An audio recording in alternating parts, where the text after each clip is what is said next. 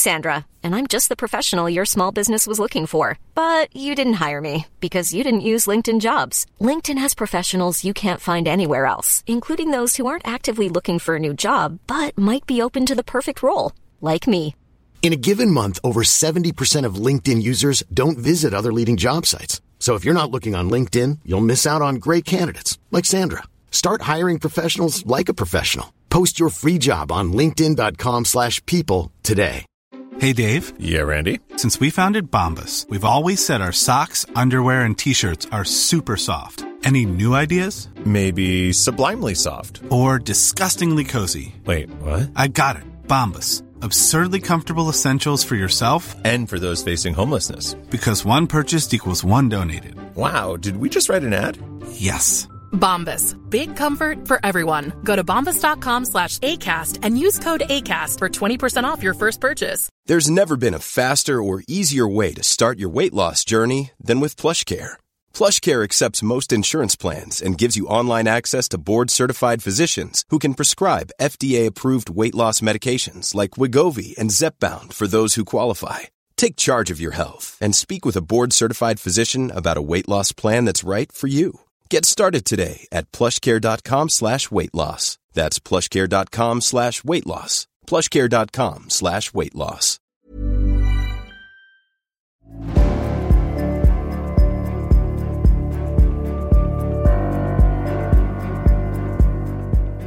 För de som har följt mig och lyssnat på min andra podd Generation EX vet att jag har en mycket stor passion för Pink Floyd. Och de som har följt samtal sedan för förra sommaren, det vill säga sommaren 2020, alltså coronasommaren, vet att jag hade ett samtal med Anders Hesselbom där vi pratade om Pink Floyd. Det här avsnittet av samtal kommer att vara i flera delar och vi kommer att göra det som så många har efterfråga och det är en Pink Floyd special. Och om det är så att du som lyssnar tänker att ja, men varför ska jag lyssna på ett eller en specialserie om ett brittiskt rockband. Låt mig förklara varför och ge det här en chans så tror jag att du kommer att upptäcka någonting som du kommer att gilla. Pink Floyd är ett band som jag tror inte att det kan lämna någon oberörd och även om du som lyssnar kanske inte vet direkt på raka arm vad det är för musik vi pratar om så kommer du garanterat att känna igen musiken. Men Pink Floyd är ett, ett alldeles speciellt band. Första gången jag kom i kontakt med Pink Floyd så förändrades min värld och den har förändrats och gjort mitt liv bättre. Det kanske låter som överdrifter, men jag är helt allvarlig. Och med mig idag har jag min longtime poddkollega Anders Hesselbom. Hej Anders! Hej Annik, eh, när eh, kom du i kontakt med Pink Floyd för första gången då? Det var, jag tror att jag var kanske 12 eller 13 år gammal Mm. eh, och jag var ett väldigt stort Beatles-fan och eh, läste väldigt mycket på internet om Beatles. Eh, du vet när jag var i den åldern så hade jag tillgång till internet. Ja, Eh, och då hittade jag någonting som kallades för backmasking. Och det var egentligen, det, det började, det började faktiskt med SVT. för SVT släppte, en, nå- det här måste ha varit alltså när jag var i kanske 12 år, så hade de en, en någon serie som gick som de kallar för Hårdrocksnatt, där de spelade massa livekonserter och eh, gjorde massa dokumentärer där de bara fokuserar på, på rock och hårdrock. det kommer jag ihåg ja. Mm, och det här måste ha varit kanske var 2005, 2006 eller någonting. Ja, Och då hade de ett inslag där de hade någon musikvetare som jag antagligen vet vem är idag, men som jag inte minns, men som spelar Led Zeppelin Stairway to Heaven baklänges. Ja. Oj då, baklänges. Ja, och, och, och det kallas ju eh, Stairway to Hell. Har du, har du lyssnat på den? Nej, jag har inte lyssnat på den. Det är ganska intressant för att eh, du, du har liksom, vi får nästan till och med spela upp det här i jag tänker att vi, alltså bara, bara för att, att komma riktigt, riktigt in på det här så spelar vi den. För jag tror inte att det finns någon, någon copyright.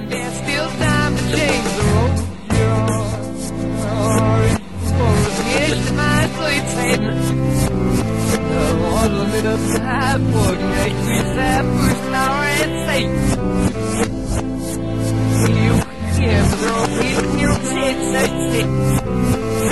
all much more shame. I need a Mm, hörde du någonting av och, och, jag, måste vara helt ärlig och säga nej. Men jag, jag lyssnar med spänning för att få höra om din resa mot Pink Floyd. Men det här var vad jag hade förväntat mig skulle hända när man vände på Stairway to Heaven. Mm. Det som händer är att, att man hör liksom Robert Plant sjunger eh, So here's to my sweet Satan. Jaha, vi the one där. Okej. whose little path would make me sad, whose power is Satan. He'll give you those with him 666 and all those fools who made us suffer, sad Satan. Ja, Okej, okay, vi, vi tar det en gång till så får du höra.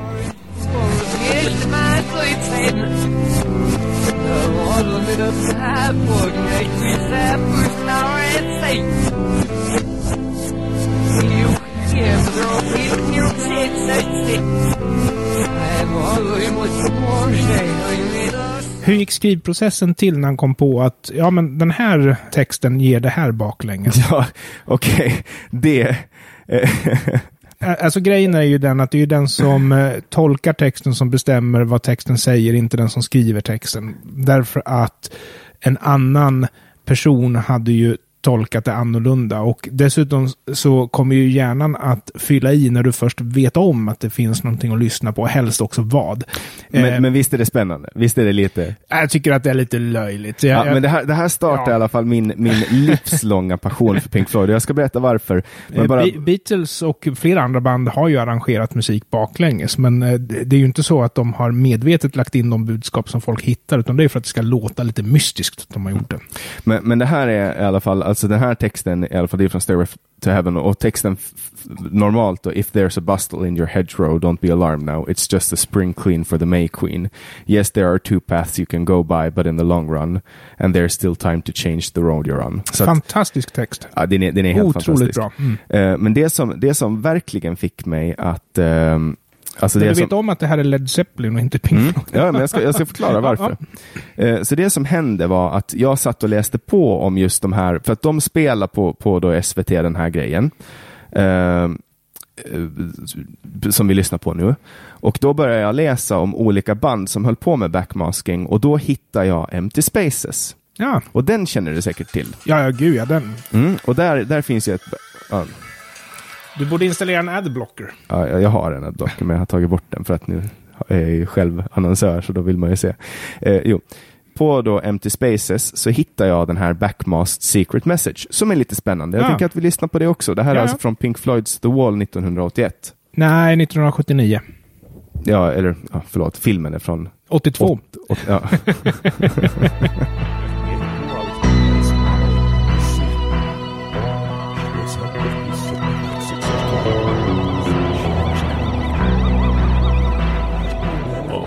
Ja, det där är ju ett baklängesmeddelande på riktigt. Mm. Vilket Stairway to Heaven inte är. Nej, och, och det var det här, det var så här jag kom in på Pink Floyd alltså. Jag, jag hörde det här. Och det som han säger då, som de säger, det är Roger Waters som pratar, tror jag. Ja. Och det är så här, congratulations, you've discovered the secret message. Please send your answers to Old Pink. Care of the funny farm, Chalfont. Ja, ja. Mm. Och, då, och det fick mig att jag bara, jag hörde det på internet och källkritiskt som jag så tänkte jag att nej men det här kan inte stämma. Så jag åkte, jag cyklade till biblioteket i Mariehamn och lånade skivan. The Wall är ju en dubbelskiva, Mm. men jag fick bara ena. Så jag satt med första eh, delen av The Wall och lyssnade på den om och om igen. Och när jag hörde den här musiken, jag kommer ihåg en specifik sak som verkligen fick mig att, eh, att liksom fastna för Pink Floyds annorlunda stil. Och det var sättet som de liksom sampla och gjorde musiken. Det här var ju trots allt 79, som du sa, det är filmen som är från 81 eller 82. 82. Så man blandar lite. Men, men det här är från 79 och det de gör är i en av låtarna, The Happiest Days of Our Lives, som egentligen då handlar om, alltså he- hela det här handlar ju om tra trauma, alltså det är trauman. Mm. Men då, eh, och det, det här är liksom inledningen till det som sen blev en discolåt och det, de tyckte inte alls om det. Men, men där gör de en liten grej eh, som jag fastnade för och det var på, på en rad i The Happiest Days of Our Lives så sjunger, så sjunger de But in the town that was, was well known. Och då, då, då samplar de på ett sätt som fick mig att, att bara känna så här, vad, vad,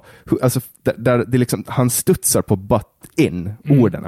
Eh, och nu blir det, vi ska inte hålla på så här, men vi gör det ändå bara för att jag vill, jag vill liksom transmitta Du sätter eh, ställningarna liksom. Exakt, Mm. exakt. Jag vill transmitta vad det var som fick mig att fastna. Lyssna på det här. Det här jag tycker att det här är helt fantastiskt.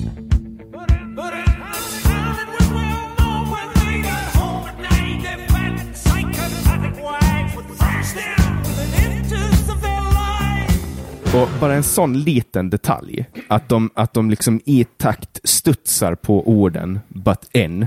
Ja, baklänges reverb, är det- eller eko, baklänges eko är det de har använt där. Ja, och det fick mig att känna så här, okej, det är någonting speciellt med de här. Så jag lyssnade dag och natt, dag och natt, dag och natt, Mm. dag och natt på The Wall. Och då hade jag ju bara tillgång till första skivan.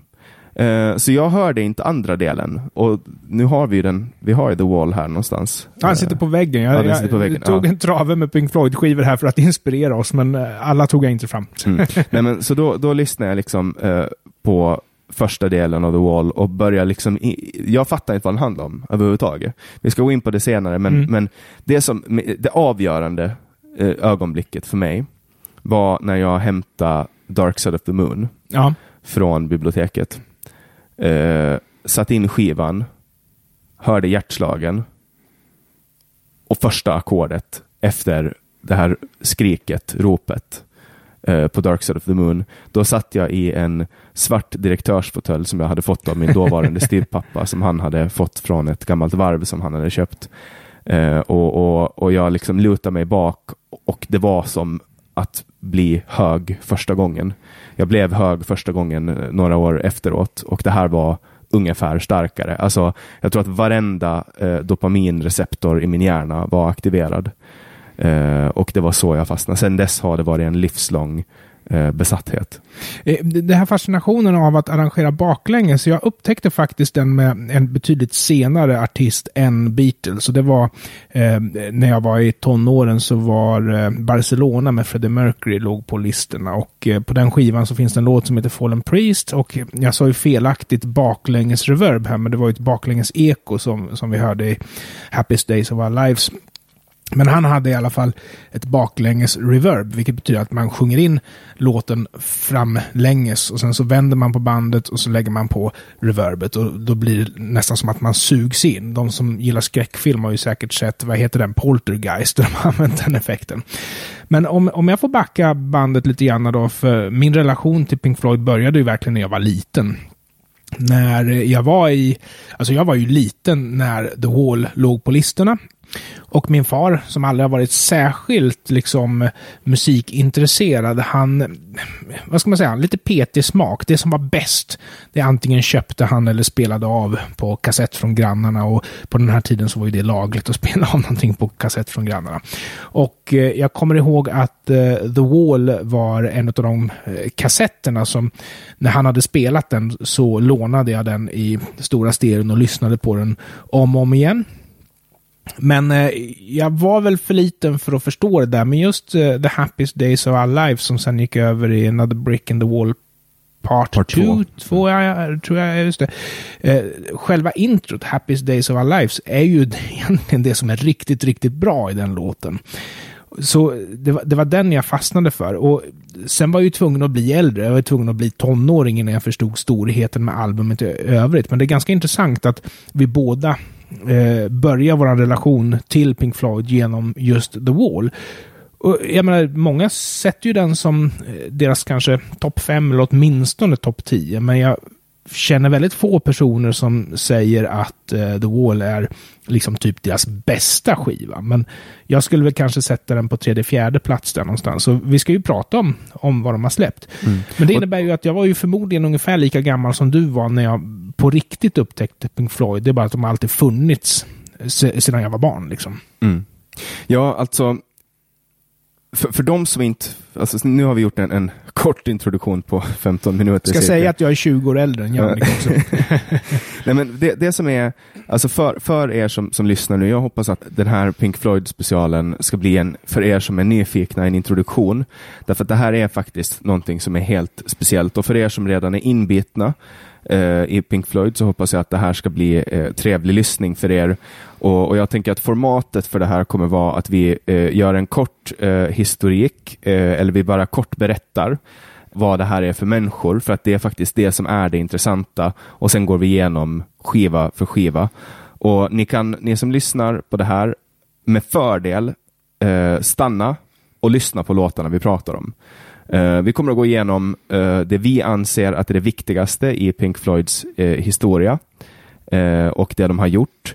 Eh, och eh, så kan du pausa och helt enkelt hoppa till låtarna. Vi kanske till och med kan göra i efterhand en spellista med alla låtar som vi nämner, för vi kommer inte kunna prata om alla, men några utvalda. Det får du sköta i så fall, du som kan det här med Spotify och nya grejer. Men det fixar jag. jag. Jag vill ha lite mer information av dig innan du får rulla igång. Och den logiska frågan i det här läget måste ju vara, vem är liksom du? Säg fem bra band för att produktplacera dig själv eller något sånt där. Vem är du som pratar Pink Floyd? Jag heter Jannik Svensson och jag gillar The Beatles, Pink Beatles, Floyd, Floyd, Queen, Queen, Fleetwood Mac. Mm. Eh, och sen lyssnar jag också nu på ett band som heter Tool som jag har upptäckt ganska nyligen. Det är min kompis E.T. Persson som också har varit med i den här podden eh, som introducerar mig till Tool. Och Tool kan man mm. säga att är en blandning av Pink Floyd, Metallica och Led Zeppelin. Mm, ja. Eh, de, de, gör, de har ett extremt hårt sound, men de är lika djupa som Pink Floyd och varenda ton, not, ackord text, allt betyder jättemycket. Du är inte den enda som har pratat om Tool för mig. Jag vet att eh, även många gamla rävar liksom gillar Tool, att det, det är någon slags ny reinkarnation av riktigt bra rockmusik. Eh, jag skulle ju säga att alltså, det är inte jätteofta jag lyssnar på varken Pink Floyd eller Queen nämnde du också till vardags, men jag håller ju de två banden väldigt, väldigt högt. I övrigt så har jag den progressiva rocken, jag gillar Yes, jag gillar Kansas, eh, jag gillar den tunga klassiska rocken, Rainbow, Deep Purple och annars så är jag ju en sucker för ja, symfonisk rock, modern jazz och fusion och sådana saker. Men eh, när det gäller de band som har varit med längst så är det ju liksom Deep Purple, Queen, Pink Floyd, och några till liksom som fortfarande liksom är tillräckligt bra för att någon gång ibland så ska man njuta av en skiva och dessutom så har de ju alltid en speciell plats i ens liksom smak och tycke. De finns ju alltid där i bakgrunden. Mm.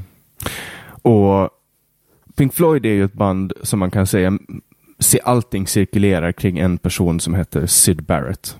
Han är död nu. Må han vila i frid. Eh, Syd Barrett föddes 1946 Uh, han kommer från Cambridge, som alla i Pink Floyd.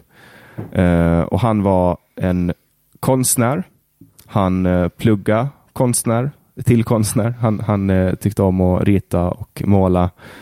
Och han har spelat han har spelat musik, eller han spelade musik sedan han var ett barn. Han började, han började faktiskt spela banjo. och han var en väldigt, vad ska man säga, djup människa och svår att förstå sig på. Han och hans vän Roger Waters, som också föddes i eh, London, eh, tillsammans med Bob Close, Nick Mason och Richard Wright, eh, grundade Pink Floyd 1965. Vart tog Close vägen då? Uh, Bob Close var bara med precis i början. Mm. Uh, han, han lämnade bandet precis före uh, Piper at the Gates of Dawn kom. för att han trodde att det var viktigare att satsa på karriären så det var lite dumheter. Men angående det där så vill jag ju säga att Pink Floyd utmärker sig på ett sätt som även Queen utmärker sig på. Det är att det var ju inte underklassungar, utan det här var ju medel slash överklassungar som bildade ett band ihop. Och det var inte jättevanligt, för det var ju liksom, eh, det var liksom kidsen annars. Men det här var ju akademiker. Precis, och där kan man ju också jämföra med eh, Beatles som under ungefär samma tidsperiod fick liksom sitta på bussen i flera timmar bara för att kunna åka någonstans eh, i Liverpool och lära sig ett ackord som någon hade. Men det man kan säga om Bob Close är att han var med senare, eh, ganska många, många år senare, 2006 så var han med och eh, spelade på David Gilmores soloalbum On an Island. Som jag tycker att det är ett väldigt bra eh, soloalbum. Men allting cirkulerar kring, Pink Flo- äh, kring Sid Barrett i den mån att han var den som var ledare i deras ungdomsgäng. Uh, han var den som var den kreativa. Han var den snygga. Han var den som kom med idéer. Han var den som drev på allting och alla hade någon form av väldigt djup affection med honom. Uh, och alla människor som träffar Sid Barrett kan också uh, eh, vittna om att han var väldigt annorlunda. Han gick på ett speciellt sätt, han hade en speciell stil, eh, eh, alltså både i mimik och rörelse och klädstil och han var liksom, han beskrevs ofta som larger than life. Eh, och, och han var också extremt charmig. Hade mycket tjejer. Han var drömmen för de flesta i den åldern. Sen blev ju hans karriär i Pink Floyd inte särskilt långvarig, men han eh, släppte ju ifrån sig ett par soloalbum har jag för mig. Eh, The Madcap Laughs och eh, Barrett. Ja, Barrett. Ja, bara, Barrett. Ja, så det som hände var att de här killarna träffades då i Cambridge, eller de växte upp eller kompisar. De gjorde musik tillsammans. Och jag tror att den första låten, alltså för, nu ska vi liksom inte gå igenom grunden, men, men eh, den, en av de första låtarna som de gjorde tillsammans var See Emily Play. Mm. De här killarna spelade tillsammans på eh, olika fester och det var kanske inte riktigt, alltså de var, det blev liksom som att de var ett inneband där. Eh, det var inte riktigt som Cavern eh, och, och Beatles eh, liksom kult, men de blev ganska kända. Och eh, då var det en tjej som hette Emily som brukar stå där framme och se konstig ut. Tyckte de, eller, eller rolig ut eller vad det var. Men, men Sid Barrett skrev en låt som hette See Emily Play.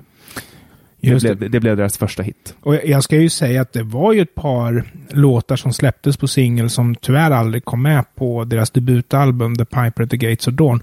Som egentligen nästan är bättre än någonting som ligger Apples and. Oranges och Vegetable Man tänker du på. Ja, Arnold Lane tänker jag på också. Och, alltså, det är ju fantastisk musik. Och det är lite konstigt därför att mitt tycke, vi ska ju prata om, om deras album såklart också, men mitt tycke är att eh, The Piper är en medioker skiva, men till exempel låten See Emily Play är så makalöst bra så att man nästan får andnöd när man hör den. För det är så fantastiskt. Och, och CML Play kom inte ens med på eh, The Piper at the Gates of Dawn. Men det kan ju också bero lite grann på att musik var ju singlar snarare än album på den här tiden. Det, det är väl i, i, någon slags brytpunkt där. För det, det här är ju brytpunkten när stereo hade börjat på att slå igenom. Det är en brytpunkt också när LP hade börjat på att ta över marknaden för singlar. Så Pink Floyd var ju lite sena på bollen. Och det kan väl bero på att de var ett nytt band. De var liksom inte skivbolagens största prio på den tiden. Mm.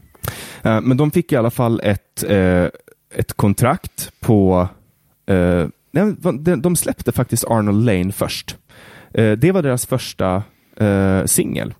Eh, Arnold Lane som var, handlade om en, en kille som hette Arnold Lane som sprang runt och plockade ner eh, kläder, alltså underkläder. Ja, damunderkläder tror jag till och med var. Ja, damunderkläder. Och, och det var ju en, en, en, en speciell herre, men, men det var sådana saker som, som Sid Barrett höll på med. Sen släppte de också en låt som hette Candice, Candy and a Current Bun som aldrig eh, blev eh, jag, tror, jag undrar om de inte, eller de kanske släppte den, men, men den handlade om droger. Mm. Det var väl något sånt och det var jättekänsligt på den tiden. Eh, nej, det, jo, den handlade, den handlade om droger och sex och det fick man inte eh, hålla på med på den tiden.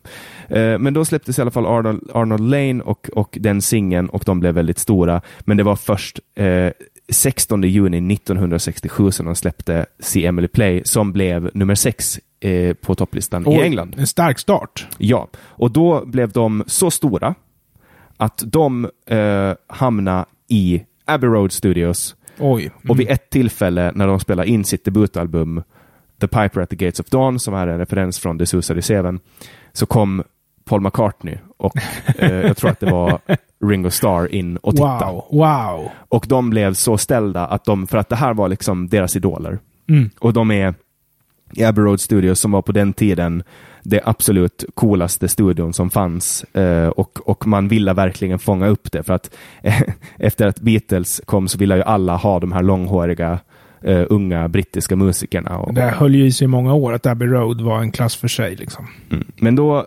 lyssnar man på uh, The Piper at the Gates of Dawn som konstituerar öppningen av Pink Floyds karriär från 1967 så ser man framför sig på albumet eh, vad heter det, det här um, albumets utformning när man har en sån här som man kollar, kaleidoskop. Kaleidoskop, just det. Så det är ett kaleidoskop, eh, det är eh, bilder på, på de här unga killarna. Det är mystiska konturer på, eller silhuetter på baksidan som ser helt förvridna ut. Väldigt, väldigt konstig.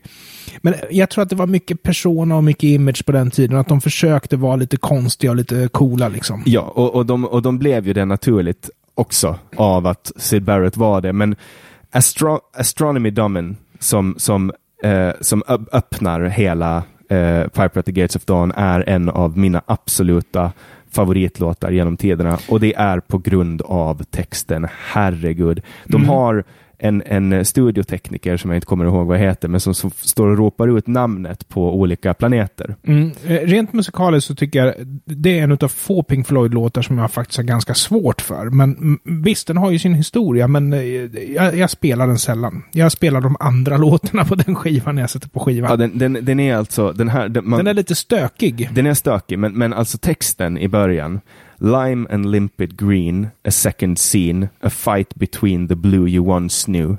Floating down, the sound resounds around the icy waters underground. Jag vet faktiskt inte vem det var som skrev låtarna på den tiden, men jag inbillar mig att Sid Barrett var, ja, var han var ganska central. Liksom. Det var han. Och, men alltså mm. den här texten, alltså Flo floating down the sound resounds around the icy waters underground. Alltså han kunde forma han kunde forma texter som eh, alltså de bara var bra. De bara mm. lät bra. Alltså på den här tiden, vi ska komma ihåg att på den här tiden så skrev folk låtar som Uh, de, de, sjöng, de var extremt enkla i sin ja, konstruktion. Ja, ja. ja gud ja, gud ja. Mm. Det, var, det var ju bara Beatles uh, egentligen, men Beatles på den här tiden Uh, man kan inte riktigt jämföra dem, uh, för att Beatles hade gått så långt i sin musikaliska utveckling. Men det här var i alla fall någonting väldigt speciellt och den inleds då med, med den handlar om olika låtar och uh, nej, men, planeter och stjärnor. Ja, men de här strömningarna fanns ju på den tiden, för band som Cream höll ju på på den tiden, så det, det fanns ju en slags ambition som hade börjat på att bubbla. Och, och Visst, Beatles kan man kanske inte jämföra, för det är precis som du säger, att eh, deras musikaliska mognad hade ju gått mycket längre. Men det är väl också kanske därför som Beatles faktiskt är det bandet som vi kommer ihåg som tar den psykedeliska poppen framåt. För Beatles började ju oerhört trivialt med, med enkel schlagerpop och slutade med att vara ett av de mest sofistikerade banden som någonsin har funnits. Pink Floyd försökte komma in där. Och jag tror att det kan vara en av anledningarna till att det tog ett tag innan Pink Floyd blev en institution. Alltså att de som inte var intresserade av avantgarde, de upptäckte ju inte Pink Floyd förrän kanske tidigt 70-tal. Liksom. Nej, och de som, som lyssnar på det här då 1967, eh, den andra låten, Lucifer Sam, handlar om en mm. katt. Eh, och den är också, eh, han, han, det finns väldigt mycket Eh, sagoreferenser. Alltså hela, hela albumet då hänvisar till Piper at the Gates of Dawn som är The Suicide Seven. Men eh, andra låten då, eh, som för övrigt också är jättebra, Lucifer Sam, eh, börjar med, alltså man hör eh, den här musiken, ingen hade hört sån här musik någonsin. När den släpptes 1967, ingen hade hört det. Matilda Mother, Ja, en... Jag tänkte precis säga det, att om, om det är så att jag ska nämna en låt från den här skivan som jag faktiskt, eh, som faktiskt stannade kvar hos mig så var det Matilda Mother eftersom den var så eh, den liknade ingenting som jag hade hört för. Mm. Den tyckte jag var den som fick mig att förstå att här fanns det eh, ambition. Liksom. Mm. There was a king who ruled the land, his majesty was in command. With silver eyes, the scarlet eagle showers silver on the people. Så, oh mother, tell me more. Och, och, den börjar med en sjunkande bas och, och, är ganska straight forward. Men sen helt plötsligt så börjar basen och sången eh, köra eh, synkroniserat tillsammans och det händer massa andra helt oväntade grejer. Så den fick mig att lyfta på ögonbrynen. Och då, då var ju det här en av de första skivorna som jag köpte med Pink Floyd. Därför att när jag liksom hade upptäckt de här så ville jag ju gärna köpa så gammalt material som möjligt. För jag tror att det är så man angriper ett nytt band. Att man man vill veta varifrån de kommer för att förstå dem idag. Så därför så var ju just den här skivan en av de första jag lyssnade på, The Piper. Mm. Och vi ska också ta, vi, vi kan inte gå igenom alla låtar, men det finns ett stycke som jag tror att det här används för folk som ska lära sig spela gitarr. Jaha, okej. Eh, och det är alltså inledning till Interstellar Overdrive, eh, som har blivit en klassiker. Eh, och det är lite, tänk dig lite eh, Chuck Berrys intro till Johnny B. Good. Det är lite i den klassen. Vi ska, vi ska lyssna på intro till Interstellar Overdrive.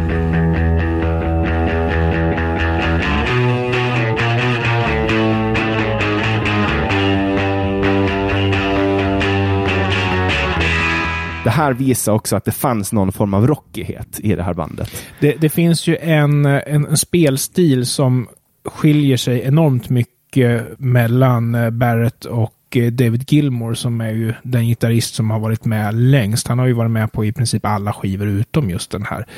Eh, där Gilmore är väldigt omsorgsfull i hur han hanterar sin gitarr. Medan Sid Barrett, han bangar ju på som han vore en grunge-artist. liksom. Ja, alltså han, han, gjorde ju, han kunde ju hitta på vad som helst med sin gitarr. Han blev Ja. ju knäpp, det, det får man ju också säga. Att den här, det, här, alltså, det här skivan, Mm. inspelningen till den här skivan, så var han på slutrakan av sin sanity. Han blev knäpp sen. Och, och det här var ju också, nu förvisso så uppföljaren från 1968, Sourceful of Secrets, där finns det väl en låt som är skriven av och framförd av Sid Barrett, men det, det var väl överblivet eller innan de liksom hade sparkat honom definitivt. Men det där var ju en ganska successiv process och han var väl inte riktigt med på vad som hände. Och jag tror att det finns en ganska sorglig historia där, där han var på ett Pink Floyd-gig och mer eller mindre upptäckte där att han inte var den sångare som, eller förlåt mig, sångare och gitarrist som skulle gå upp på scen. liksom. Exakt, och det var, det, var precis, det var ju efter, eller det var efter de hade släppt uh, Piper at Ja. the Gates of Dawn. Och det var väl helt enkelt för att han, han var inte pålitlig, han var inte stabil liksom. Nej, han tog, han tog oerhört mycket LSD under den här Mm. perioden och LSD har en tendens att, eh, att trigga igång latent schizofreni snabbare. Eh, men på den här skivan, jag tänker att vi går igenom eh, de mest utmärkande låtarna eh, och så tar vi eh, de man vill ju ta allting samtidigt, men The Gnome är också en låt som, som utmärker sig ganska mycket. Här berättar han också, han inleder med I want to tell you a story about a little man if I can. Och sen berättar han om den här eh, Gnome, det är väl typ trädgårdstomte eller någonting. Eh, och det är en väldigt underlig låt som är, alltså det är svårt att liksom förstå vad han menar, men det är också det som är charmen. Eh, men, men Chapter 24 Mm. Eh, här visar Sid Barrett vilken oerhört duktig lyricist han var. A movement is accomplished in six stages and the seventh brings return. The seven is the number of the young light. It forms when darkness is increased by one. Change returns success, going and coming without error. Action brings good fortune. Alltså, Det är ju högre ambitioner än Oh baby baby som är en ganska vanlig textrad idag. Eller, uh, uh, uh. då, då också. Jag, jag, minns lite svagt, jag undrar vad Bike, var det en låt härifrån? eller Ja, den en kommer, det är den sista. Ah, Okej, mm. Eh, men men efter, efter då Chapter 24 så kommer eh, Scarecrow, som Ah. också är en helt otrolig låt, som handlar om en fågelskrämma. Mm. Eh, och, och det är också, han, han skriver liksom om den här fågelskrämman som bara står, som alla känner till. Alltså den är, det är som en, han berättar verkligen historier och är det någonting man vet så är det att Jesus var världens mest framgångsrika människa genom tiderna på grund av att han berättar historier. Mm. Och, och kollar man på till exempel de bästa sätten att sälja och marknadsföring, det är story selling och storytelling för att det funkar. Jesus hade ju någonting annat gemensamt med en fågelskrämma, nämligen hur han Hur han klädde sig. positionerad när han dog. Ja, och hur han klädde sig. Han klädde sig, ja. Nej, men så att, så att det, och det, jag tror att det kan ha varit det som gjorde att det här albumet slog rot, för att det lät inte bra 1967. Det här. Det var inte, det, det var inte bra musik, men det var någonting som triggade igång och fick folk att, att tänka. För första gången jag hörde det här så tänkte jag, vad är det här för skit? Det, det är ju dålig, det var ju, man hade, var begränsad inspelning, även om det här var top of the line. Och jämför då Sgt. Peppers ja. Lonely Hearts Club Band som spelades in i samma studio, samma år. Men hur mycket bättre Sgt. Peppers lät. Jo, men jag tror ju att det här var inspelat på en eh, bandspelare med fyra stereokanaler som de gjorde till åtta monokanaler för att spara resurser. Så jag tror att det här, Pink Floyd var ju lite nedprioriterat när det gäller tekniken, ja. Mm. Men, men eh, låten Bike skrev han om sin dåvarande flickväns cykel. Det var fint. Ja, I've got a bike you can ride it if you like. It's got a basket, a bell that rings and, ma- and things to make it look good. Ja. I'd give it to you if I could, but I borrowed it. Och sen sjunger han om en tjej. Och sen fortsätter han sjunga om eh, den här cykeln. Och sen börjar han sjunga I know a mouse and he hasn't got a, a house. I don't know why I call him Gerald. Eh, he's getting rather old but he's a good mouse. Jag, jag skulle tro att det där är nog bara en kul grej. Al- Alltså, eh, Bike är en rolig låt och eh, hör man den live så hajar man ju till för att det är en kul låt. Det kan ju vara ett sätt för publiken att vakna upp. Jag har, Men jag tror inte han tänkte så. Jag tror inte han appealade överhuvudtaget till the crowd. Jag tror att han bara gjorde sin grej. Han, Mm. tyckte, det var, han tyckte det var cool liksom. Men, men då apropå det där eh, när det gäller att ligga i framkant och sådär. Det här är ju ett brittiskt band och eh, musikscenen i USA var mycket större och jag vet att eh, en av de grejerna som gjorde att kanske Pink Floyd inte riktigt fick fäste i USA det var ju att ljusshowerna, de fantastiska ljusshowerna var ju en grej som man annonserade. Eh, det var det man försökte sälja in dem med och på den brittiska scenen så var ju det lite nyskapande men jämför man då med amerikanska samtida band som inte alls profilerade sig för sin fantastiska ljusshow hade ändå en mycket bättre ljusshow än Pink Floyd. Och jag tror att det där kan vi nog se när vi tittar på vad som hände mot slutet av 80-talet när vi kommer dit. Att eh, då överkompenserar de ju en hel del för den biten. Kan Ja, man säga. verkligen. Det var, det var så, vi ska ta, ta det när det kommer. Efter The Piper at the Gates of Dawn så drog de ut på turné. Det här albumet eh, drog alltså nummer sex eh, på, på eh, Englands topplista och England var ju tonsättande Ja. för musik på den tiden. Kan man Inte säga. dåligt. Och eh, 14 veckor i rad så låg de där. Eh, de började dra väldigt mycket eh, publik till ett, ett, en plats de spelar på som heter The UFO Club. Eh, och här börjar Sid Barretts psykiska status göra folk väldigt oroliga. Han gjorde jättekonstiga saker, han, han kunde, ibland klädde han inte på sig och eh, han, klädde på, han satt på sig konstiga kläder, han gjorde väldigt konstiga saker och det var här det du nämnde, eh, någonstans här att han då insåg att han inte fick vara med. Mm. Eh, han var med på en, det var en, en intervju eh, som de skulle göra på tv och det var det största som kunde hända då. Alltså att få vara på tv. Och fanns det en eller två kanaler i England. Eh, och eh, de skulle vara med på tv och eh, han svarade inte på frågorna, Sid Barrett. Han bara satt och stirrade och sen vägrade han mima till CM eller Play. Och det här blev väldigt, alltså folk fattade att det här är inte bra. Sen ska vi också ta månlandningen. Det var väl det var här någonstans, nej nej nej, det var, två, det var 69, det var senare, förlåt. Det var inte 67. Eh, sen då 1967 så fick de byta ut eh, Sid Barrett. Det började med att de tog in David Gilmore, Mm. som var en gammal kompis, väldigt duktig gitarrist. Eh, han spelade i ett band som då hette Jokers Wild. Eh, och eh, han hade sett Pink Floyd som då hette tidigare, då, när de var yngre, hette The T-set. Så han då, eh, David Gilmore, började spela med dem och var med eh, under tiden som de spelade eh, och, och, som backup-gitarrist. Och sen slutade det väl vid något tillfälle, jag vet inte om det här är helt sant, men de kopplade ur Sid Barretts gitarr. Ja. Och, och så var det liksom en långsam, långsam transition över till att en dag så bara bestämde de sig för att vi hämtar inte honom.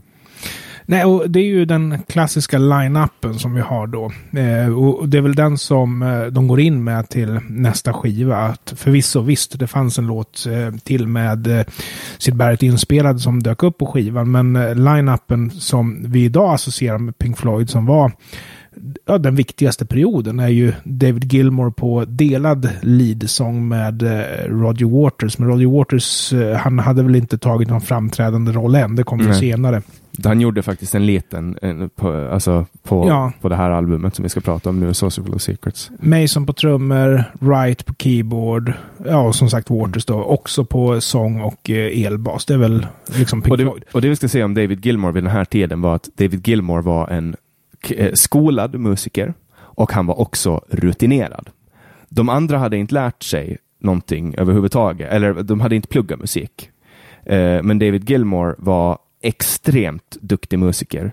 Så jämfört med eh, de, alltså de andra, när, när, när han kommer in, Gilmore, han var jävligt duktig på gitarr, men de hade ingen som ledde bandet. Mm. Kom 1968, Saucer Full of Secrets.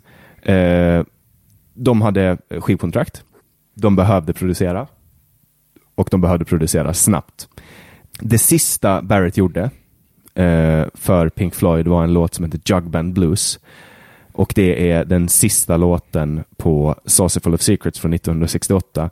Och den är också, där gör han en sån där grej som, som Waters sen eh, återupprepar, just det här med att han dubbel, han, alltså eh, Sid Barrett kunde dubbelhoppa på eh, eh, ord, vilket, men gjorde det att det blev fantastiskt. Och Mm. den här låten är alltså, när man, när man läser texten till Jugman Blues, så jag, jag ryser när jag tänker på det. För att det är nästan som att han säger hej då. Han säger It's awfully considerate of you to think of me here, and I'm most obliged, obliged for you to, no, and I'm most obliged to you for making it clear that I'm not here.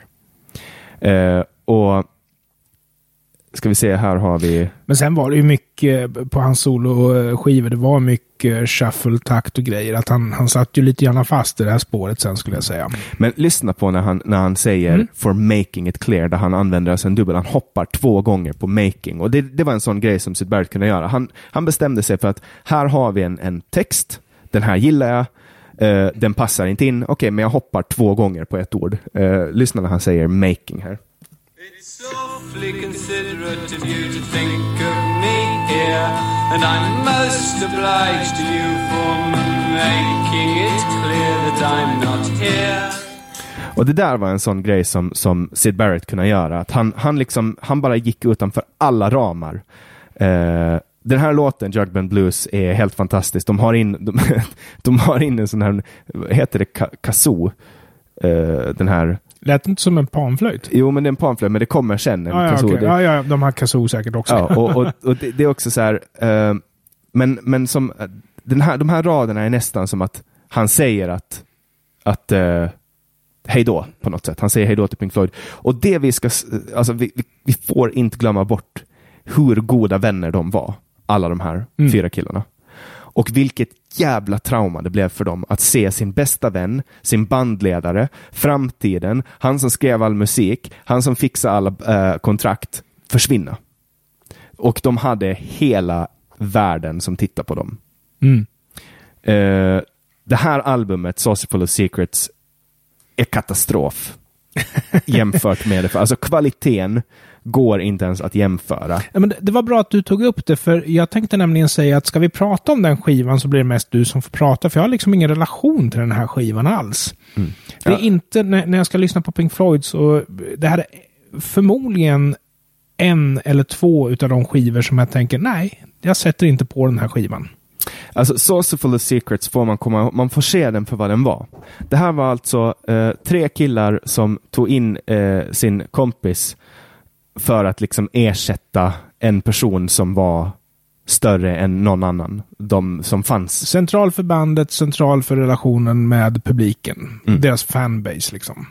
Och de gjorde några, alltså här gjorde eh, Roger Waters gjorde ju sitt första eh, test här och den blev faktiskt ganska bra, den här låten Set the Controls for the Heart of the Sun. Det här var ju under tiden som man började, man, man höll på mycket med ufon och det hade kommit rapporter om kraschade ufon och folk Och rymdprogrammet var ju full, eh, full gång. Liksom. Kalla kriget var i full gång, så det, det, det där var viktigt. Det, det jag ska säga om den låten är ju att det är väl möjligtvis den som har överlevt, skulle jag säga. Mm. Det är en ganska trivial låt egentligen, men det, som sagt, första gången Roger Waters släppte ifrån sig någonting som faktiskt var bra. Mm. Och det man ska komma ihåg med Roger Waters var att han på den här tiden, eh, han, han, han, han, han visste att han inte kunde sjunga. Han hamnade på att spela bas, fast han egentligen, han var inte jätteduktig på det. Han var ju gitarrist, men anledningen till att han inte spelade gitarr var för att de behövde en basist och att David Gilmore eller Syd Barrett att vara bättre på gitarr. Ja, var men sen var ju också David Gilmore bättre på bas. Så på Ja. studioalbumen så är det alltid nästan David Gilmore som spelar bas. ja, ofta i alla fall, ja. Eh, så att, men men då, då sjunger de in då den här låten Set the Controls for the Heart of the Sun. Och här visar Roger Waters, han kommer ju sen att bli då, enligt mig, världens bästa lyricist. Det finns ingen bättre lyricist. Nej, det kan jag hålla med om. Uh, little by little the night turns around, counting the leaves which tremble at dawn. Lotuses lean on each other's in yearning, under the eaves the swallow is resting. Och det är så här ett taffligt försök att närma sig Mm. Sid Barretts lyricism. Ja, men det blev ju bra till slut. Men, men apropå eh, David Gilmores eh, vad ska jag säga, instrumentalistiska förmåga så eh, kommer du ju ihåg om det var tidigt eller mitten på 80-talet när de hade fasat ut Roger Waters i bandet. En, en historia som vi kommer att komma till. Och då tyckte de att det var lämpligt att släppa en Greatest Hits-skiva. De fick inte loss rättigheterna till Time. Så David Gilmore gick in i studion och spelade in Time på nytt. Han la trummorna, han la basen, han la gitarren, han la sången, han la keyboarden. Liksom. Så han är ju en mul- multi-instrumentalist av rang, ska jag säga. Ja, han är, han, han verkligen. Sa jag Time så menar jag Money. Om jag kom- Ja, okej, Ja, ja, jag du, du menar sa man. time. Det var det Men jag menar Money såklart.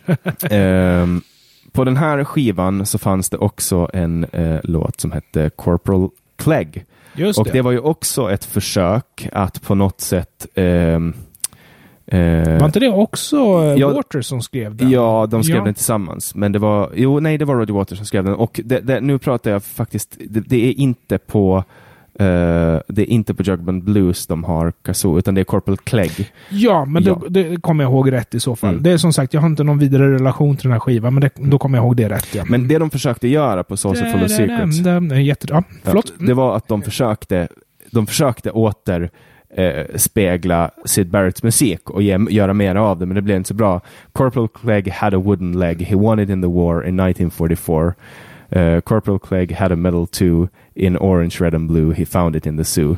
Och det var så här, Ja, bra försök. ja. Det det är inte så jättebra. Och sen hade de Saucer Full of Secrets. Där någonstans så hade de fått idén att Eh, alltså Beatles hade ju på den här tiden tagit in den här symfoniorkestern när de Just det. spelade in, eh, det var väl eh, Abbey Road?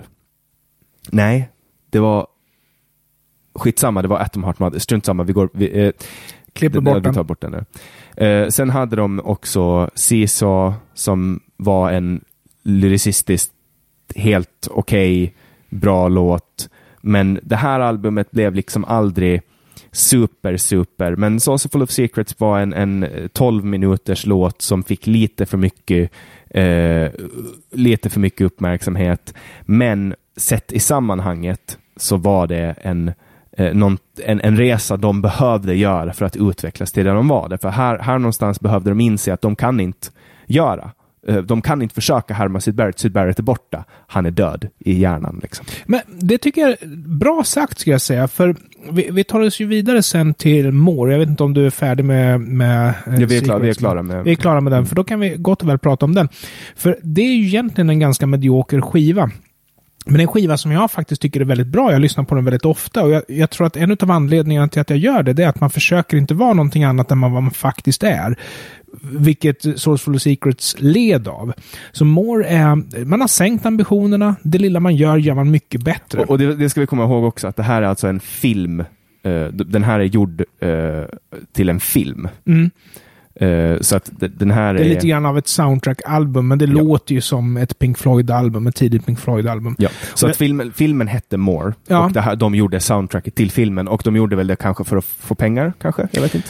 Ja, alltså det, det är lite svårt att säga, men alltså, jag är ju beredd att försvara More, för More är ju den första skivan med riktiga Pink Floyd. Alltså här, för första gången, så ser man ju var någonstans de kommer att landa. Mm. Det här är alltså första gången, de spelade in det 1968, det är första gången de spelar in någonting utan Syd Barrett. Ja, Släpptes 69. Och de första gången som spelar in någonting helt utan Syd Barrett, för det gjorde de ju eh, i de flesta låtar även på föregående skiva, men första gången som de gör det utan att försöka emulera Syd Barrett, att här försöker de hitta vad Pink Floyd ska vara. Och jag tror att det, det är väl en av de anledningarna till att den här skivan ligger med så pass varmt om hjärtat, att det är det första som låter som Pink Floyd på riktigt. Och här har vi några riktigt, riktigt bra låtar.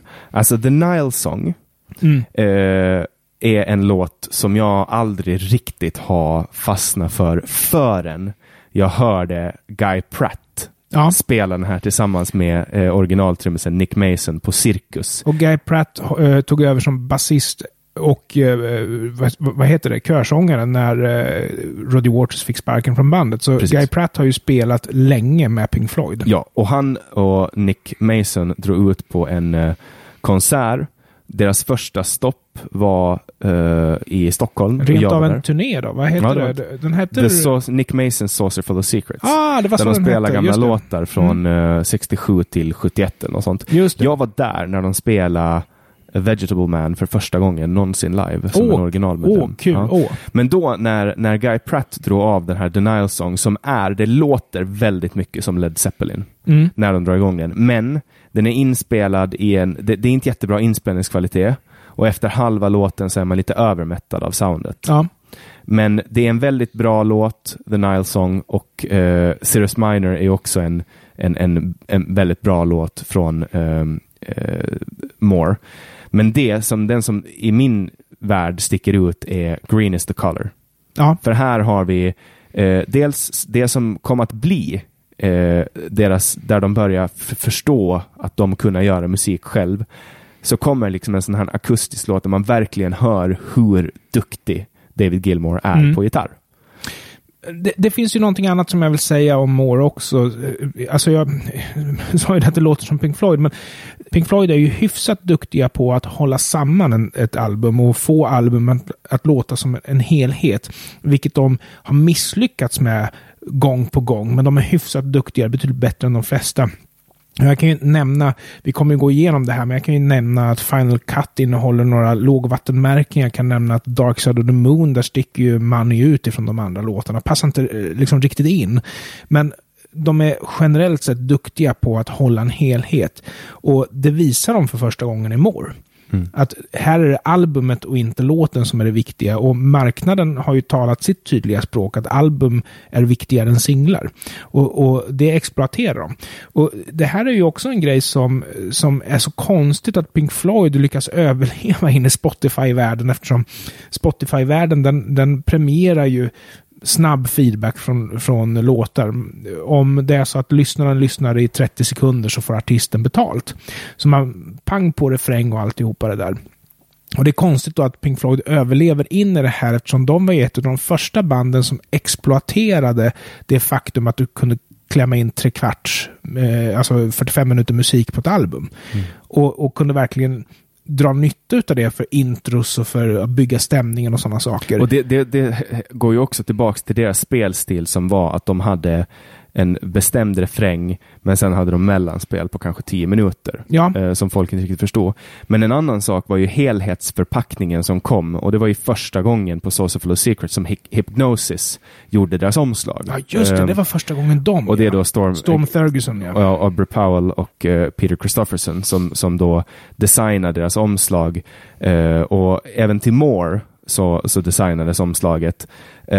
Det här var ju en film, ett filmalbum, ”More”, Eh, men, men just Green is- the color är någonting som jag eh, tycker att det är en, någonting som är, är värt att, att lyssna på. Och sen har de ju också, eh, det finns några eh, guldkorn, men, men eh, Crying Song, eh, Nile Song och Green is the color tycker jag att det är de som är värda att, att lyssna på. Och sen kom ju en av de underligare albumen, Amagama.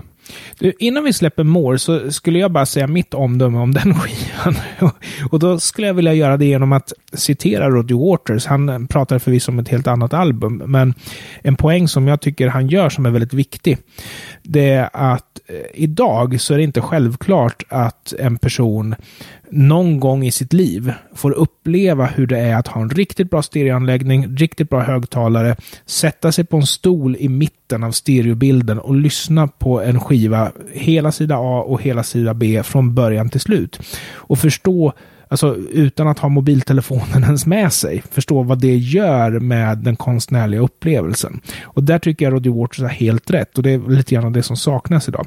Umma Gumma, det är nummer två av de skivor som jag inte har någon särskild relation till. Jag skulle nog säga att det finns Ja, det är nog fram, framförallt då Sourceful of Secrets, eh, den, den andra skivan och Umma Gumman, den fjärde skivan. Det är de två som jag liksom har valt att hålla mig lite grann ifrån. Ja, och det som var varför jag tror att, att du har den känslan, det var för att de behövde släppa album. Alltså Ja. deras, de var, alla tittade på dem, alla lyssnade på dem, alla väntade på att nästa grej skulle komma och alla Ja. visste att det fanns där. Men de var fortfarande utan Sid Barrett. Så under den här perioden så behövde de hitta sig själva och det gjorde de genom bland annat att spela in More, eh, där de testade sina, de hade liksom gett upp eh, idén om att försöka låta som Sid Barrett och de Vilket var bra att de Ja. hade gett upp det. men det, det man ska komma ihåg också är att under tiden som de åkte runt och turnerade, som de satt i studion och spelade, så lärde de sig. De fick liksom sina flygtimmar som krävs för att, att bli duktiga musiker.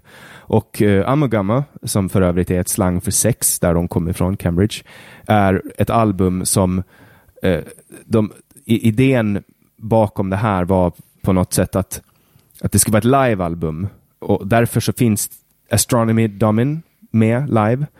Men sen släpper de också Set the Controls for Heart of the Sun och A Saucer Full of Secrets live och så blandar de in lite andra låtar som Careful with that axe Eugene.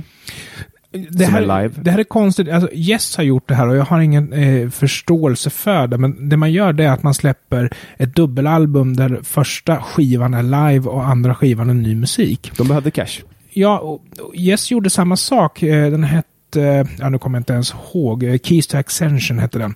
Varför släpper man inte ett dubbelalbum? Det första albumet är, st- är studio och det andra albumet är gammal skåpmat som man framför live. Både Yes har gjort det här och Pink Floyd har gjort det här i och med Amagamma. Jag, jag förstår inte. Ja. Alltså mottagandet var väldigt bra på Ja. liveskivan.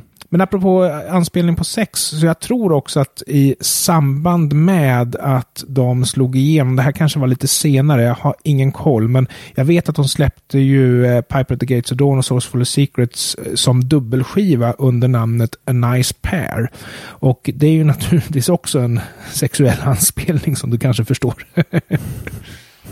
De, de släppte på Amagama en låt eh, som Roger Waters skrev som hette Several species of small furry animals gathered together in a cave and grooving with a pict. nu lajvar han nästan Sid Barrett igen. Fy, Roddy Waters. Ja, fast det han gjorde här var att de ville ha den längsta eh, Aha, titeln det någonsin. fanns en tanke, okej. Ja, att de ville ha den längsta titeln någonsin. Det var typ som när Beatles skrev Helter Skelter. Det skulle vara den hårdaste låten som någonsin har släppts. Ja, kanske Eh, konstigaste texten också. Ja, så att de, men, men, men här i alla fall så kom också eh, Richard Wright fick möjligheten att faktiskt släppa en komposition, Ja. eh, Sisyphus, som är väldigt vacker. Mm.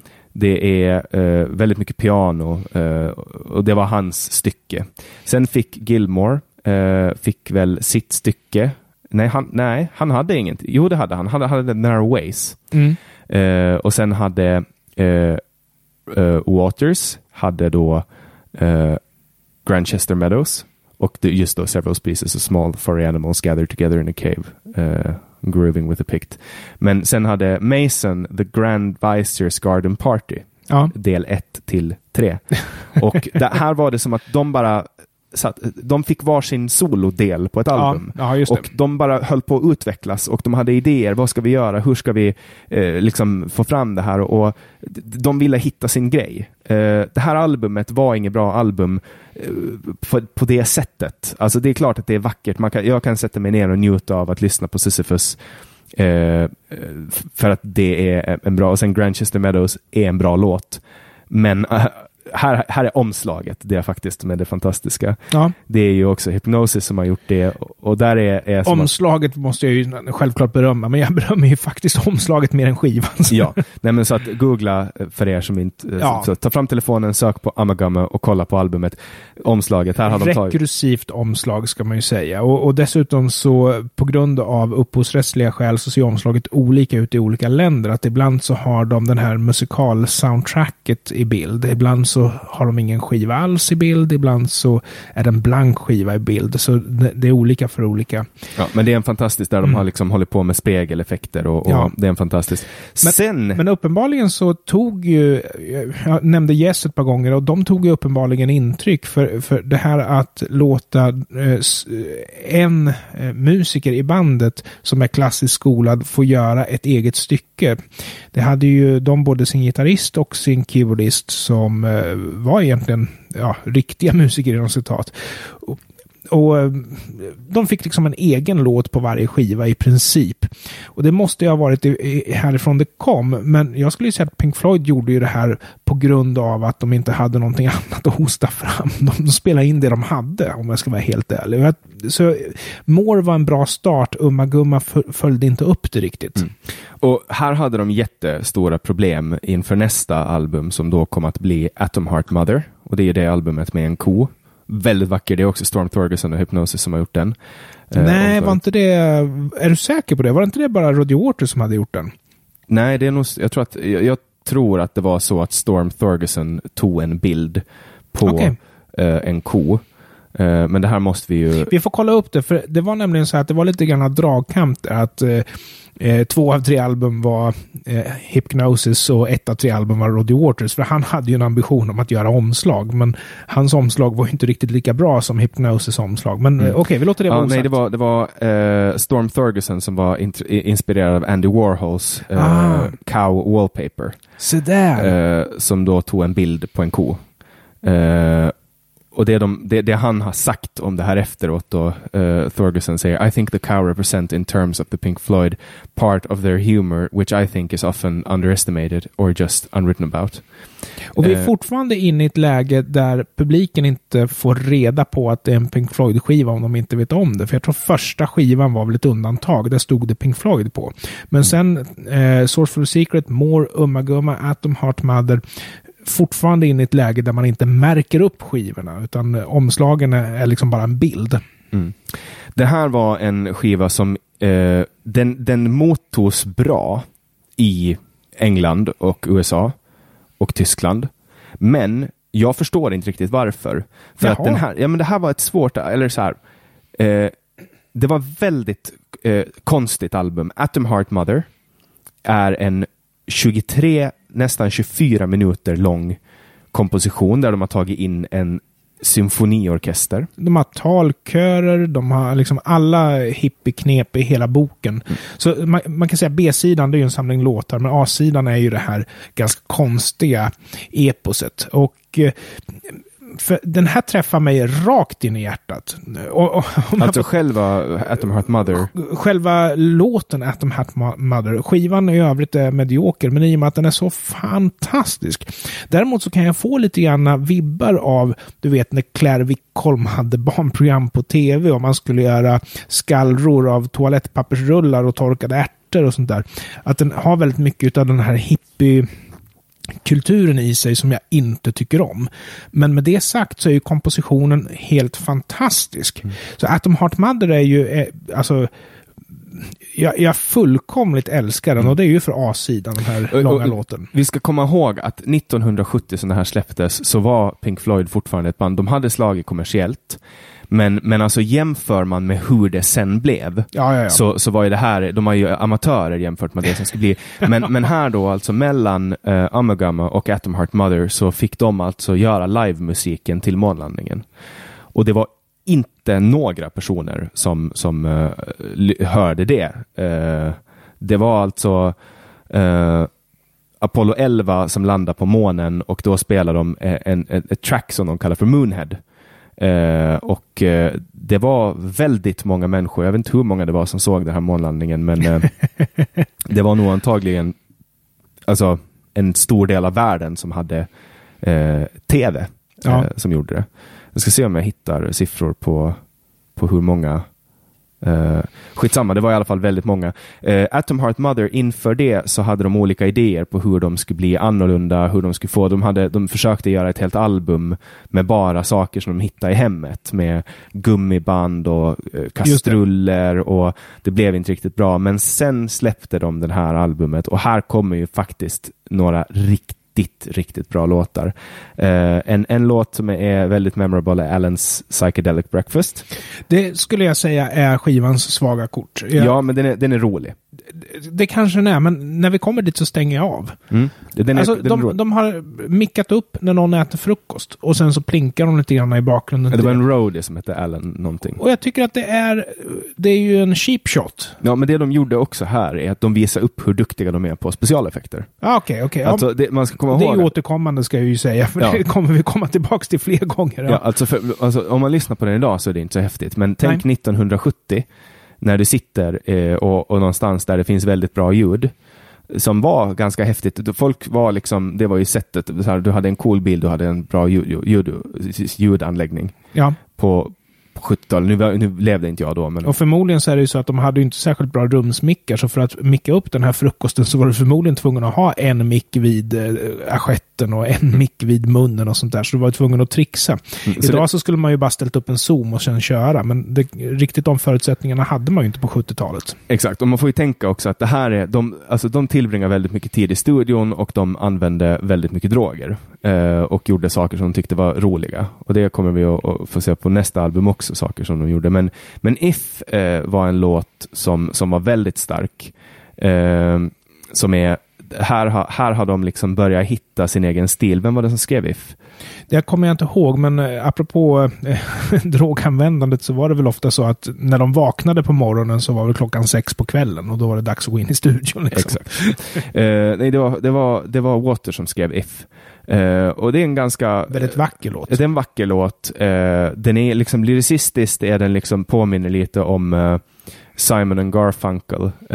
Den här... ehm, det, det, det, det, är lite stil från lite Simon and Garfunkel stil över det hela och hela låt, eller hela albumet sen Summer 68 eh, Fat Old Son som var Gilmores, den är också väldigt bra. Ja. Det, där man börjar höra att men den var väldigt akustisk. Det var väldigt akustiskt album eh, och det lät inte alls riktigt som Pink Floyd. Men det som hände, alltså magin kom mellan Atom Heart Mother och Metal.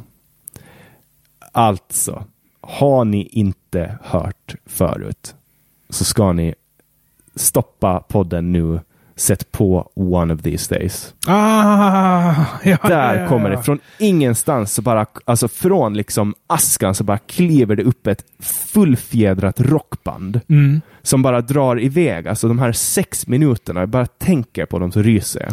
Ja, en instrumental låt också, vilket är ganska maffigt. Och jag hade ju en podcast tillsammans med Henrik Andersson som hette Stulet Gods, där vi gick igenom låtstölder. Och du har ju alltid det här att något band som gör en hommage. Och så har du alltid något annat band som måste sno någonting för att de tycker att det är så jäkla bra så de kan inte låta bli. Vet du att One of These Days är samplad av eh, Depeche Mode? Alltså, eh, så jag menar, jag kan inte tolka det som en hommage, utan det är det att den här episka basriffet som är i början, spelat genom en digital delay. Alltså, man, man hinner inte höra mer än en sekund innan man vet vilken låt det är. Och sen så det fantastiska slide-gitarrsolot som är mot slutet av den där. Nej, jag, jag saknar ord. Det här, är- det här är helt magiskt. Och, Och det, och det blir bara bättre. Det blir bara bättre. och det här gör de ju gång på gång sen på de senare skivorna liksom. Mm. Nej, men, och och det, det blir bara, bara bättre. A Pill of Winds, en bra låt, Ja. men vi ska inte fastna på den för den är, den, den är liksom i sammanhanget ingenting. alltså, Fearless Ah, är en låt. Helvetes jävlar vad bra får den du låten är. svära i den här podden? Ja, det får jag. Vad säger någon grata om det? Är Det är de... helt okej. Okej, bra. Alltså, Fearless är en låt som man blir helt inslukad i hur fantastisk den här låten är. Eh, och det blir bara bättre. Eh, sen kommer Saint-Tropez som är någon form av blues eh, Låter som Water skulle jag tro, men äh, Nej, men Saint-Tropez det var nog Gilmore. jag tror det. Är jag- inget märkvärdigt. Ja, jag är 90% säker på att eh, jag vi får kolla upp det faktiskt. Det är ju nästan sånt här som man skulle researcha innan man gör podden, men å andra sidan, vi tappar ju en dimension om det är så att det inte är våra spontana åsikter det, som dyker det, du, har, upp. du har rätt, det är Waters. Nej, men det är, det samma Waters. Ja, jag tyckte det lät så, men Ja. inget märkvärdigt. Nej, det de gjorde sen, uh, Seamus, är alltså en, eh, namnet på en hund som, som eh, de tog hand om. Det är alltså en border collie som, som var ehm, en kompis eh, hade den hunden. Eh, och David Gilmore tyckte att, alltså han rökte cannabis och tyckte att det var så jävla kul därför att han, eh, han som ägde den här hunden, Seamus, hade lärt den att yla när han hörde bluesriff. Så de skrev en hel låt, alltså det var typ två minuter, men alltså, de, alltså Gilmore tyckte att det här var det roligaste som någonsin har hänt. Så de släppte den på skivan. Han var så här, nej men vi ska ha med eh, Seamus på, på skivan. Och den släpptes och så är det så här, ja det är en, en medioker blueslåt med en hund som ylar. Och det är så här, men de fick med den. Men här kommer det avgörande. Alltså skulle Pink Floyd ha slutat här på Echoes så skulle det ha varit en av världens bästa låtar. Mm. Alltså det som hände någonstans där 1970-1971 när de satt och spelade in var att Richard Wright insåg att när han spelar en speciell key på, på sin på sitt, sin synt eller piano när de hade någon av sina hundratusentals manicker inkopplade Ja. så upptäckte han att det här låter ju som ett sånt här sonar. Mm. Eh, Det låter som ett eko, som ett sonar från ekolod. Och så börjar de spela på den där och så börjar de bygga upp. Och det som händer när, när liksom Echoes bryter ut är att här ser man vilken fruktansvärt duktig lyricist David Gilmore var. Du, jag hade glömt bort Echos. Alltså, Echos är ju, det är ju ett epos. Det, det, det här är alltså en av världens bästa låtar och ni, ni som lyssnar på det här, eh, stanna podden, lyssna på Echoes, lyssna på texten. De kommer kunna leva med den här podden i många år eftersom du uppmanar dem att stanna och lyssna på Ja, ja nej, men och, också att vi är, vi är, liksom, vi Ja. är över en timme in och vi är bara på 1970 nu. Oj, oj, oj. Ja. Ja, och du sa att det kommer att bli svårt att få två timmar. Ja, Jag tänkte att prata om sitt favoritband, det avhandlar man väl på några minuter tänkte jag. Men Nej. ja, ja, Nej, jag är imponerad över att vi har haft så mycket att säga. Och det är också ganska, för jag nämnde i början att jag är inte så mycket aktiv lyssnare av varken Pink Floyd eller Queen eller några utav de andra banden som, som jag har levt med så länge. Men jag har ju lyssnat på dem år ut och år in då och då. Så det var en fantastisk resa som du tar med mig på att få återuppleva de här. För när du sitter och rabblar låtar och skivor, ja just det, den, ja just det, den. Och att få Echos som en sån där grej, ja just det, den. Det är ju nästan värt en flaska champagne kan jag ju säga. Mm. Nej, men alltså de, den här låten, den är 23.33 lång. De la tre månader på den. Oj. De var i tre olika studios. alltså de här killarna var, nu hade de hittat sitt sound och de tyckte att det var cool det de gjorde. Det började alltså med att, att då Richard Wright upptäckte den här tonen. Så när han släppte den genom en Leslie speaker Ah. så fick han den här eh, ubåtsljudet. Och en, en Leslie Speaker, det är ju ett sätt att få ljudet att flacka, för den högtalaren roterar. Mm. Så att, och de höll på med det här och de höll på, de, de blev liksom besatta av det. Men när de då, när den här låten kommer igång och man hör texten så förstår man hur fruktansvärt duktiga de har blivit. För det första så har Gilmore hittat sin röst här och deras eh, texter. Strangers passing in the street, by chance two separate glances meet, and I am you and what I see is me. Det var mycket så på den här skivan och, och även framåt att eh, David Gilmore skötte leadsången och Roddy Waters sjöng andra stämman men att det var liksom Gilmore man hörde. Men de fick ju ett väldigt kraftigt sound på sången. De kunde sjunga mjukt men ändå väldigt fylligt i och med att de täcker upp helt olika saker med sina röster. Eh, det där var ett knep som de tog till eh, när de ville liksom ge extra styrka. Och jag tror att just den här har väl en vers som är tvåstämmig om jag inte misstar, misstar mig helt. Ja, och de, alltså, det här gjorde Gilmore de, ligger längst fram liksom. ja, och efter det här så fick de idén att de skulle ha en konsert i Pompeji. Eh, det här var alltså 1972 och då framförde de främst låtar, eller de framförde Echoes, det är väl den man minns. Sen gjorde de också Careful with the Lex Eugene och lite andra låtar. Men de gjorde Echoes i, utan publik i Pompeji. Vilket är typ en av de coolaste scenerna jag någonsin har sett. Alltså när de står där i sina 70-talskläder utan tröjor och spelar inför en tom eh, amfiteater i Pompeji. Fy fan vad häftigt det är att se. Har man inte sett den så ska man se den. Men det gäller ju igen det här att du får inte ha bråttom, utan du måste, du måste låta det ta sin tid. Efter Medals kommer ju Obscure by Cloud, så vi är alltså inne på 1972. Vi har fortfarande sett att det har varit ett album varje år från Pink Floyd.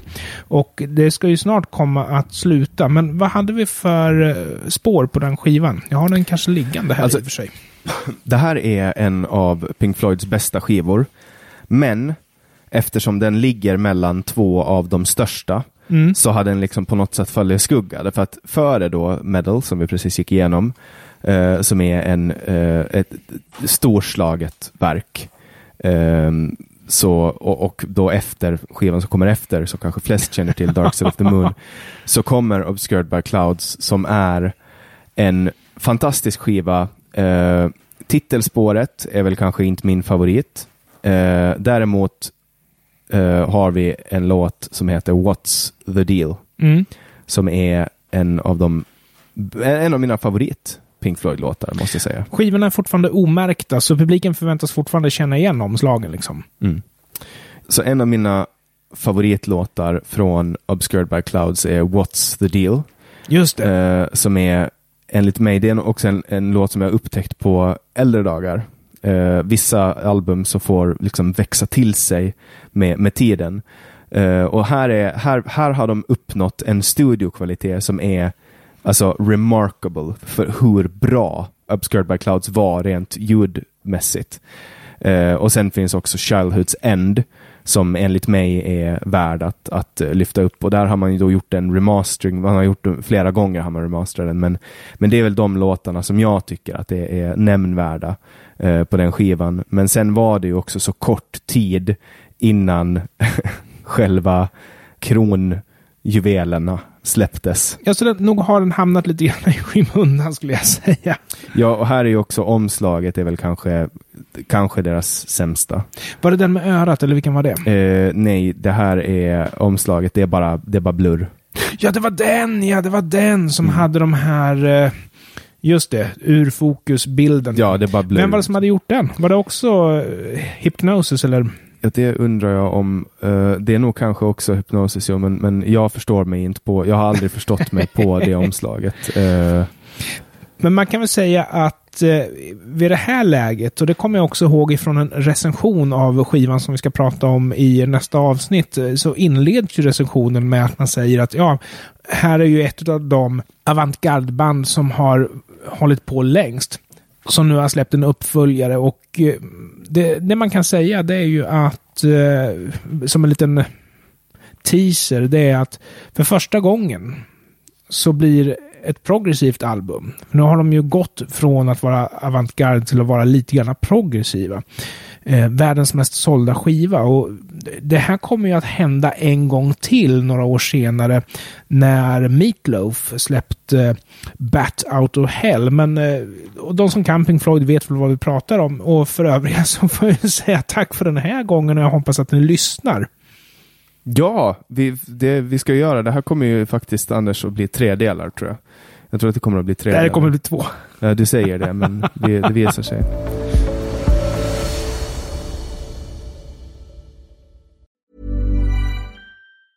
A lot can happen in three years, like a chatbot may be your new best friend. But what won't change? Needing health insurance. United Healthcare Tri Term Medical Plans, underwritten by Golden Rule Insurance Company, offer flexible, budget friendly coverage that lasts nearly three years in some states. Learn more at uh1.com. Planning for your next trip?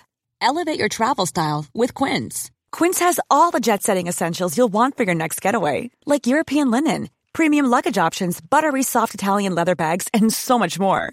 And is all priced at 50 to 80% less than similar brands. Plus, Quince only works with factories that use safe and ethical manufacturing practices. Pack your bags with high-quality essentials you'll be wearing for vacations to come with Quince. Go to quince.com slash pack for free shipping and 365-day returns. When you make decisions for your company, you look for the no-brainers. And if you have a lot of mailing to do, stamps.com is the ultimate no-brainer. It streamlines your processes to make your business more efficient, which makes you less busy.